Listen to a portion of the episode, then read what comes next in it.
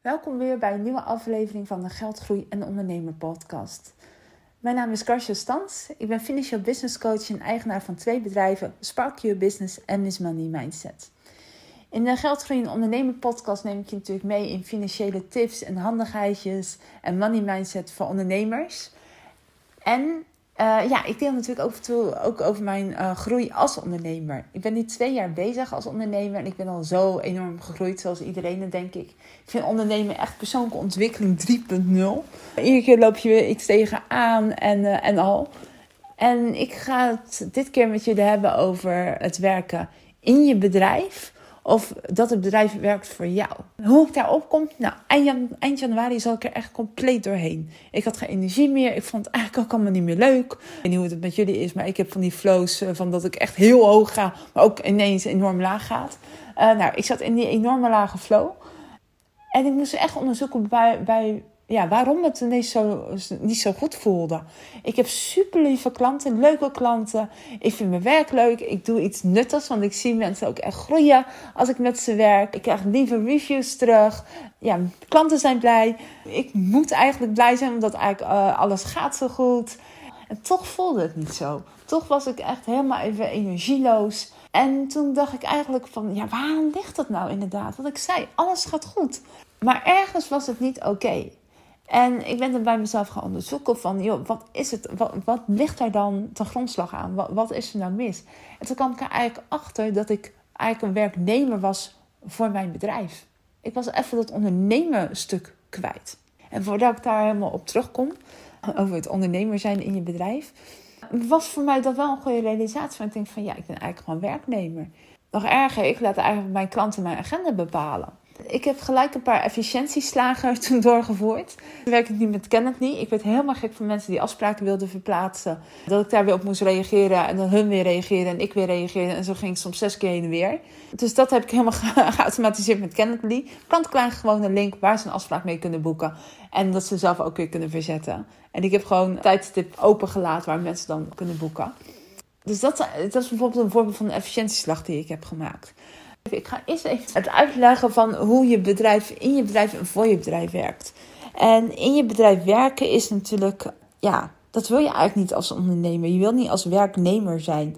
En dat zie je heel vaak eigenlijk bij de mensen die van hun hobby hun beroep maken. En ik denk dat je als ondernemer of als bedrijfseigenaar, laat ik het zo, hebben, uh, zo zeggen, eigenlijk drie rollen hebt. Je bent eigenlijk de hobbyist, hè? dus degene die echt van een hobby een werk hebben gemaakt. Je bent manager, maar je bent ook nog eens visionair. En die drie rollen, uh, die hebben we denk ik allemaal als ondernemer, als bedrijfseigenaar in ons. En de meeste van ons beginnen als eigenlijk hobbyist. Dus eigenlijk van degene die als hobby een bedrijf maken. Dus stel je voor dat je taarten bakt, dan vind je taarten helemaal geweldig bakken en je denkt, nou daar kan ik geld mee verdienen. En dat gaat natuurlijk in het begin hartstikke goed je gaat taarten bakken, je verdient er geld mee, je breidt een beetje uit. Voor je het weet heb je inderdaad misschien een pandje met een oven erin waar je taarten bakt en die je gaat verkopen. Maar als je op die manier doorgaat en dus niet je manager en de visionair in jou aanspreekt, word je op een gegeven moment heel ongelukkig, want je werkt dan in je bedrijf. Je bent werknemer van je bedrijf, je bent eigenlijk slaaf van je bedrijf. Want natuurlijk, die taartenbakken gaat natuurlijk super goed en super makkelijk. Maar op een gegeven moment gaat het je tegenzitten, want je krijgt druk. Je bent eigenlijk dagenlang bezig met taarten bakken. En op een gegeven moment word je daar ongelukkig van. En daarvoor moet je ook de manager in jezelf en de visionair in jezelf ook gewoon tijd gunnen om daarin te zijn. En ik zie dat ook gewoon heel vaak mislopen, dat mensen alleen maar de hobbyist blijven die ondernemer wordt. Niet verder denken, niet groter denken. Want als je manager uh, van je bedrijf hebt, de rol van manager is eigenlijk natuurlijk te zorgen dat je de ingrediënten altijd hebt. Hè? Dat je ze altijd, ja, eigenlijk een beetje het beheren van het uh, bedrijf, dat alles gewoon lekker loopt. En natuurlijk de visionair, die denkt groot, die gaat plannen maken zodat jij kan groeien, maar ook op een gezonde manier. En wat ik ook bij mezelf merkte eh, de laatste tijd, is dat, dat ik niet ik ben hobbyist, maar ik ben, ik ben ook wel een goede manager. Ik weet inderdaad hoe ik mijn bedrijf moet beheren en moet rijden en zeilen, zodat alles gewoon lekker loopt. En ik ben ook visionair, alleen ik laat die ruimte niet zo heel erg open. ik merk dat ik me dan heel oncomfortabel voel. En dat is natuurlijk ook allemaal cultuur en verwachting om je heen en hoe je bent opgegroeid. Dat ik gewoon dus inderdaad een week niks doe om die visionair in mezelf los te maken weer. Dat ik gewoon de tijd neem om even niks te doen. En dan gewoon inderdaad ga verzinnen van, oh ja, hoe wil ik mijn bedrijf eigenlijk leiden? Ik weet niet hoe dat met jullie is, maar bij heeft dat dus heel erg dat ik daar schuldig over voel als ik dat doe. Terwijl ik nu zo eigenlijk iets heb van, ja, maar die visionair, die heb ik nodig. Maar anders kom ik niet verder. Anders blijf ik die hobbyist. Die gewoon elke dag gewoon inderdaad met al mijn liefde en al mijn goede bedoelingen mensen gaat helpen. Uh, maar waardoor ik werknemer ben van mijn eigen bedrijf. En daar dus hartstikke ongelukkig van word. En dat is denk ik ook het verschil tussen uh, als je echt uh, wil groeien als ondernemer. Of dat je eigenlijk gewoon een ZZP'er blijft. Ik had pas met iemand hier ook een discussie van wanneer ben je nou ZZP'er en wanneer ben je nu ondernemer. Dat je dat voor jezelf moet bepalen. Ik denk zelfs, we hadden het ook op een gegeven moment op de conclusie dat we drie verschillende rollen hadden, inderdaad. Dat je eigenlijk ZZP bent, dat je je uitleent bij bedrijven en dat je daar gewoon uurtarief krijgt en al. Dat je eigenlijk een passievolle ondernemer bent, dat je eigenlijk vooral met je hobby bezig bent. En natuurlijk dat je echt ondernemer bent, personeel in dienst en al. En de vraag is natuurlijk hoe je van hobbyist naar ondernemer gaat. En er is natuurlijk helemaal niks mis mee als jij taart bakken en je doet dat in je eentje. En je bent daar gewoon uh, tevreden mee. En er zijn heel veel mensen die dat uh, allemaal doen. Alleen ik denk dat de slagingskans is uh, dat je over vijf jaar nog steeds zaken doet, best wel laag is. Want je wordt een beetje, je wordt op een gegeven moment, zeker als je succesvoller raakt, ongelukkig van dat jij alleen maar in je eentje taart aan het bakken bent. En daar komt dan ook de rol van visionair uh, naar voren. Als visionair moet je altijd denken van hoe kan ik mijn bedrijf voor me laten werken? En om daarmee te starten, om met dat idee aan de slag te gaan als visionair, moet je ook heel goed uh, realiseren van wat wil je nou eigenlijk bereiken in je leven. Ik heb natuurlijk ook in mijn vorige podcast heb ik het daar ook over gehad, over financiële doelen stellen. Uh, luister die ook vooral, want die is ook gewoon, gaat inderdaad ook over je innerlijke wereld. Wat wil je bereiken als mens? Hoe zie jij je leven over vijf jaar voor? Wil jij op Hawaii wonen? Persoonlijke droom van mij. Of uh, wil jij in een, samen met je gezin op wereldreis? Of wil je juist een mooi groot huis op de Veluwe hebben? Ja, noem maar op wat jouw dromen zijn. Daar is geld voor nodig. Hoe erg we het ook niet willen in deze wereld, hoe erg spiritueel je ook mag zijn, geld is gewoon de motor van deze wereld. Als je geen geld hebt, heb je het best wel lastig. Daar komt je bedrijf dan natuurlijk naar voren. Stel dat je inderdaad een mooi huis op de Veluwe wil hebben. Kwantificeer dat dan. Hoeveel kost dat? Hoeveel kost het als je een huis op de Veluwe hebt? Is dat 5 ton, 6 ton, 7 ton? Wat voor hypotheek heb je nodig? Of hoe kan je het handje contantje betalen? Maar wat heb je financieel daarvoor nodig? Het kan natuurlijk ook zijn dat je bijvoorbeeld je persoonlijk wil ontwikkelen. Dat je je management skills wil verbeteren. Of dat jij uh, spiritueel wil uh, groeien. Nou, noem op wat jouw persoonlijke doelen zijn. Benoem die en kwantificeer waar nodig. Want het kan natuurlijk ook zijn, ja, spiritueel ontwikkelen. Daar heb je misschien ook een opleiding voor nodig. En hoe, uh, hoeveel kost die opleiding dan? Dus probeer zoveel mogelijk te kwantificeren. En sommige doelen zijn natuurlijk niet in geld uit te drukken. Als jij natuurlijk uh, de wereld wil verbeteren of een bijdrage wil aan de wereld wil geven. Ja, dat is niet in geld uit te drukken. Maar het is wel iets waar je bedrijf in kan dienen. En dat bedoel ik met je bedrijf voor je laten werken. Welke doelen heb je? En hoe kan jij zo je bedrijf inrichten uh, dat het bedrijf voor je werkt? Dus dat is wel een hele mooie om even te realiseren en ook gewoon bij jezelf af te vragen. Als ik mijn persoonlijke doelen zie, werkt mijn bedrijf dan voor mij? En dat is duidelijk een ander verschil dan dat je in je bedrijf als werknemer bent. Voel je dat verschil wat het dan is? Als je het niet voelt, ik, ik ga er nog helemaal diep op in hoor. Um, maar dat is wel een hele goede om te beseffen. Hoe werkt mijn, werkt mijn bedrijf voor mij? En ik denk dat voor het grote deel van, van, van ons, zeg maar, heel veel mensen ook gewoon minder willen werken. Eigenlijk het liefst dat het, dat het bedrijf voor me werkt en dat het gewoon, ook al zijn ze er niet, dat het geld gewoon blijft binnenkomen. En dat is natuurlijk ook, als je ziet, heel veel mensen hebben natuurlijk ook een uh, arbeidsongeschiktheidsverzekering. Wat zijn die dingen trouwens duur? Ongelooflijk maar waar. En bouwen buffers op. Maar eigenlijk wil je natuurlijk dat als jij uh, op vakantie bent of als jij toevallig een keertje ziek bent, dat je bedrijf gewoon doorwerkt. Dat jij niet meer de essentiële factor in je bedrijf bent. En nog mooier zou het natuurlijk zijn als je denkt aan je exit-strategie. Ik heb daar natuurlijk wel vaker over, je exit-strategie. Van hoe kan jij over een paar jaar je bedrijf verkopen en daar gewoon heel veel geld uit halen. Dat gaat niet als jij de enige bent in jouw bedrijf. Dat gaat niet. Uh, als je als één pitter alles doet, dan ben jij zoveel waarde voor dat bedrijf dat niemand dat heel makkelijk gaat kopen. Want jij bent degene die erin zit. En daarvoor is het zo belangrijk op een hoger niveau te komen. En nogmaals, als je dat wil, hè, er zijn heel veel mensen eh, die gewoon super gelukkig zijn om hun hobby uit te voeren, daarvan hun bedrijf hebben gemaakt en als één pitter door wil gaan. Alleen, statistieken bewijzen dat 95% hè, van deze soort bedrijven, die gaan binnen vijf jaar failliet. Omdat mensen dan toch dat loondienstgevoel krijgen, dat mensen er niet meer gelukkig van worden. Daarvoor ben ik er nu zo mee bezig dat ik niet wil dat dat mij overkomt. Daarvoor was januari zo'n mooie levensles. Maar ik dacht van, oh ja, ik wil het niet. Ik moet groter gaan denken. Ik moet anders gaan denken. Wat je daarvoor nodig hebt, en dat het bedrijf voor je werkt, is dat je aan je bedrijf werkt. Hoor je ook zoveel mensen zeggen, ja, maar je moet niet vergeten aan je bedrijf te werken. Klopt, helemaal waar. Maar aan je bedrijf werken doe je omdat je je bedrijf voor je wil laten werken. Nou, ik ga je in een paar dingen delen waar ik nu mee bezig ben en die ik nu aan denk. Geval het eerste wat ik ga doen. Uh, ik heb het al eerder gedaan. Ze staan echt, ik heb ze gewoon in een mooi Word-bestandje. Mijn huisregels. Niet alleen mijn persoonlijke huisregels. Van eh, ik wil elke vrijdag vrij. Ik werk vrijdag. Uh, vrijdag begint gewoon mijn weekend. Gewoon puurweg omdat ik al jarenlang niks op vrijdag uit mijn handen kan krijgen. Ik vind vrijdag echt een butdag om te werken.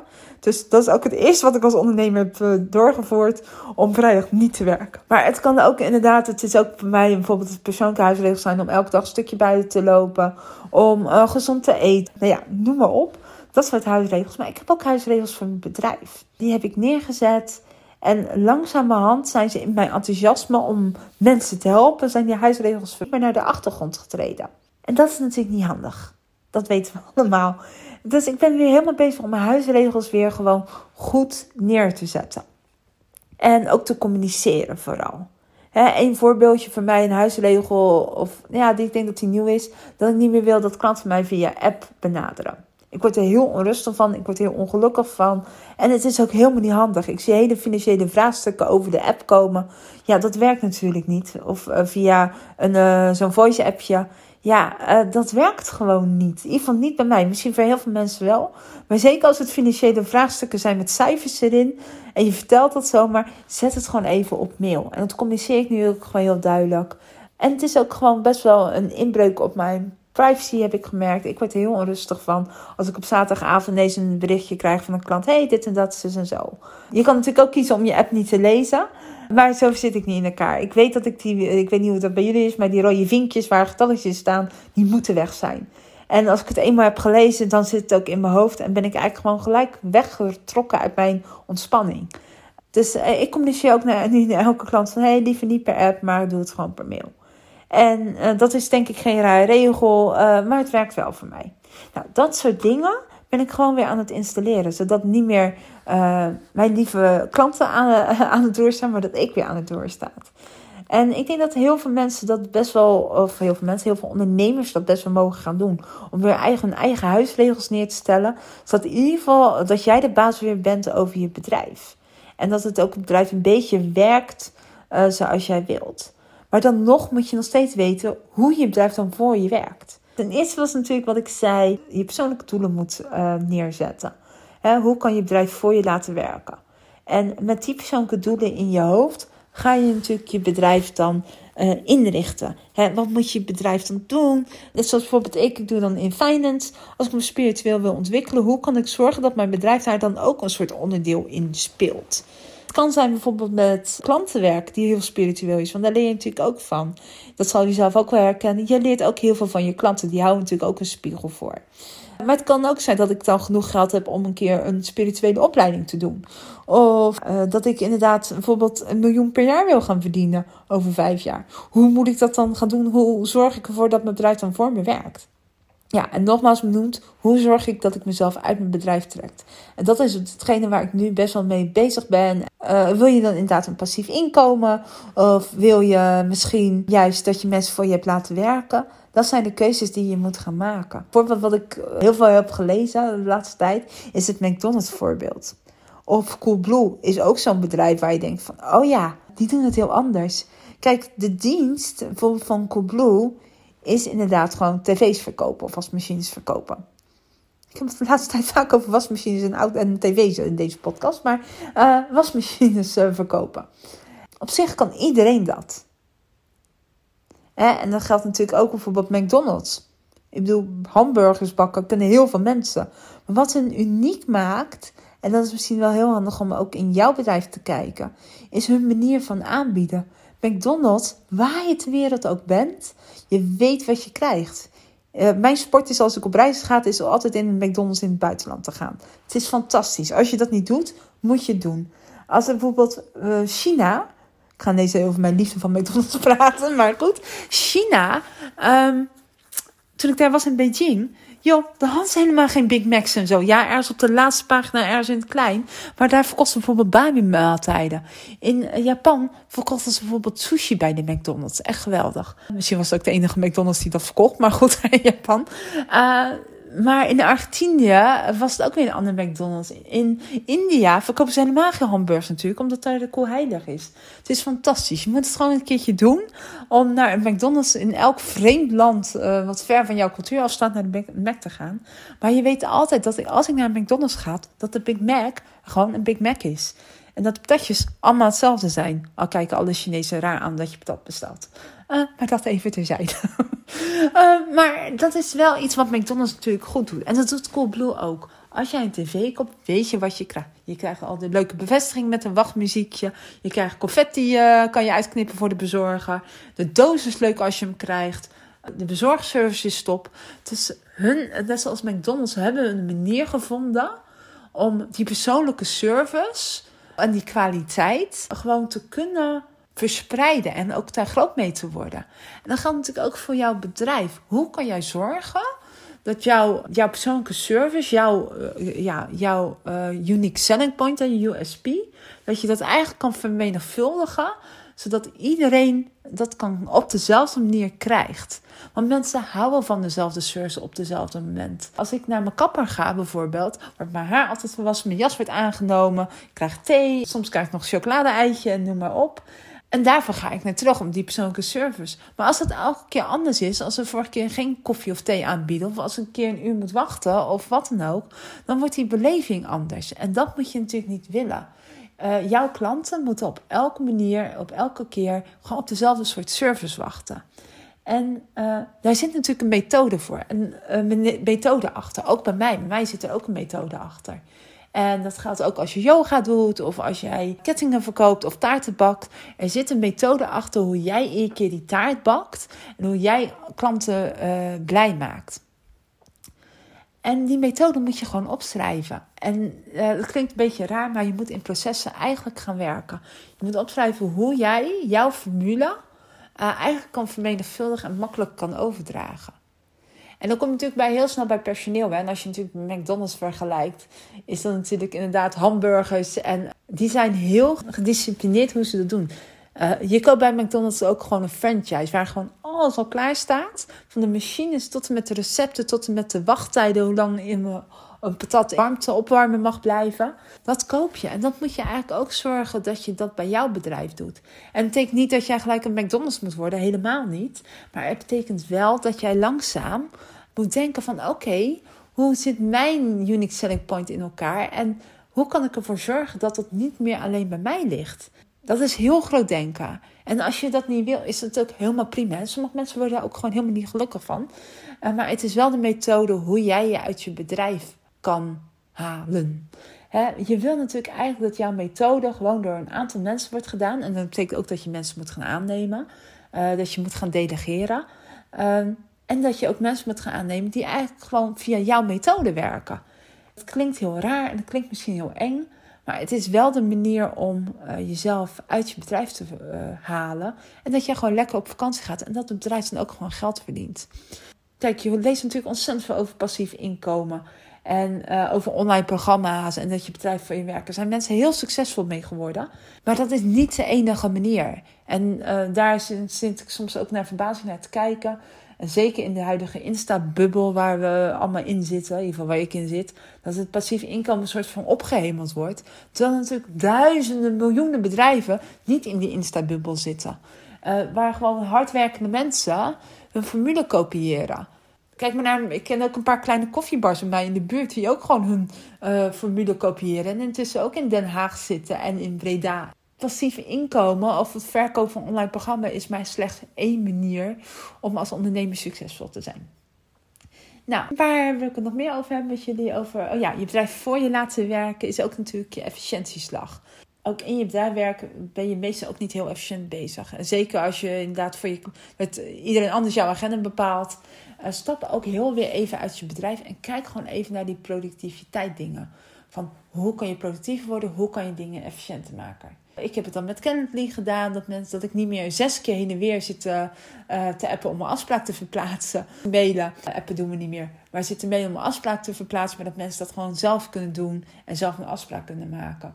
Maar kijk vooral even naar die uh, productiviteitsdingen. Van hoe kan je efficiënter werken? Hoe kan je mailbox efficiënter doen? Misschien moet je hem in plaats van niet elke keer lezen, elke minuut lezen als een mailtje binnenkomt, maar één keer in de week lezen. Communiceer dat dan wel met je klanten. Dat is natuurlijk wel handig. Stel je eigen grenzen. En uh, ja, ik wilde nog wat zeggen. Even denken, ik zit even op mijn papiertje te kijken. Ja, kijk ook even inderdaad van hoe, wat je kan delegeren. Ik heb zelf op dit moment. Uh, ik heb een hele goede ervaring met een VA en een hele slechte ervaring met een VA. Als je kijkt naar wat je kan delegeren, is natuurlijk beslis voor jezelf wat je eigenlijk gewoon niet leuk vindt. Dat is denk ik eigenlijk gewoon de kern van het verhaal. Ik dacht eigenlijk dat ik mijn social media wilde uitbesteden. Maar misschien is dat. Ik heb één keer mijn e-mailbox uitbesteed. Dat ging echt super goed. Helemaal prima. Ben ik helemaal tevreden mee. Social media uitbesteden was misschien niet de handigste stap om dat te doen. Omdat ik merk dat er heel veel persoonlijke dingen in zitten. En dat ik eigenlijk gelijk de ziel van mijn bedrijf weggaf. Want ja, heel mijn marketing gaf ik weg. Zonder. Ja, heel verhaal is dat nog. Kom ik ooit nog wel eens weer op terug. Hoe dat is gelopen. Um, maar er zijn natuurlijk andere dingen waar je ook enorm soms gewoon geen energie van krijgt, een beetje tegenop ziet. En dat zijn juist de dingen die je heel makkelijk kan uitbesteden. En uh, nou ja, je zou eigenlijk even, als je er tegenop ziet, of als je nog nooit leiding hebt gegeven, moet je daar denk ik wel even een cursus in volgen, of een paar boeken lezen hoe je dat dan moet doen.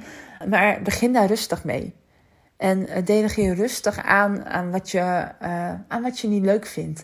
En daarmee kan je ook heel snel stappen gaan maken en groeien. En als je denkt van ja, mijn persoon kost 50 euro per uur, bereken dan eerst eens even wat jij kost per uur. pak eens een keer al jouw uh, salaris erbij. Uh, doe dat even maal werkgeverslasten. Dus die factor is 1,25, 1,25. Tel er ook bij even je autokosten op en zo. En deel dat door het aantal uur wat je werkt in, de, in het jaar. Wat is jouw uurprijs? Dus stel dat je 125 euro kost en jij doet dat dus zelf.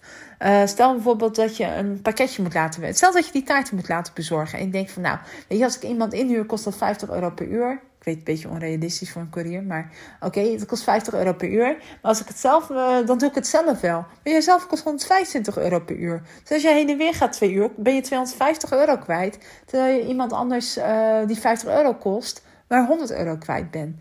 En in die twee uur tijd kan jij aan je bedrijf werken. Kan jij denken, strategisch na gaan denken.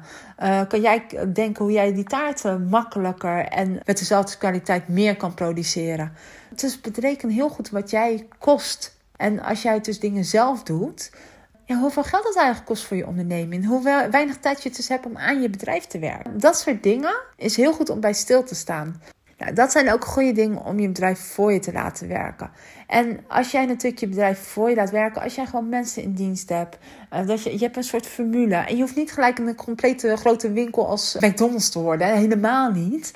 Maar je moet wel een soort structuur hebben en een soort proces hebben, waardoor iedereen op dezelfde manier gewoon geholpen wordt. Het is een keuze of jij maatwerk doet of niet. Tuurlijk mag dat. Maar de basis, je achtergrond blijft hetzelfde. En als je dat eenmaal voor elkaar hebt staan en dat je bedrijf niet meer van jou afhankelijk is, dan is het natuurlijk fantastisch. Want dan kan je het op een gegeven moment ook verkopen. Dan is het ook echt van waarde voor mensen. Nou ja, ik ga me hier de komende week helemaal mee bezighouden. Ik heb nog zes boeken op de plank uh, liggen.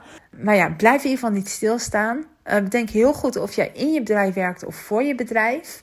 Ja, en als je je bedrijf voor je laat werken, uh, laat ja, besef dan ook dat alles financiële gevolgen hebt. Dus voordat jij een beslissing maakt, is het natuurlijk altijd handig dat je even financieel door laat rekenen uh, wat, voor gevolgen iemand, uh, wat voor gevolgen iets heeft. Stel dat je iemand in dienst wil nemen of dat je iemand wil inhuren. Er zit ook al een tariefverschil in. Laat dat even goed doorrekenen.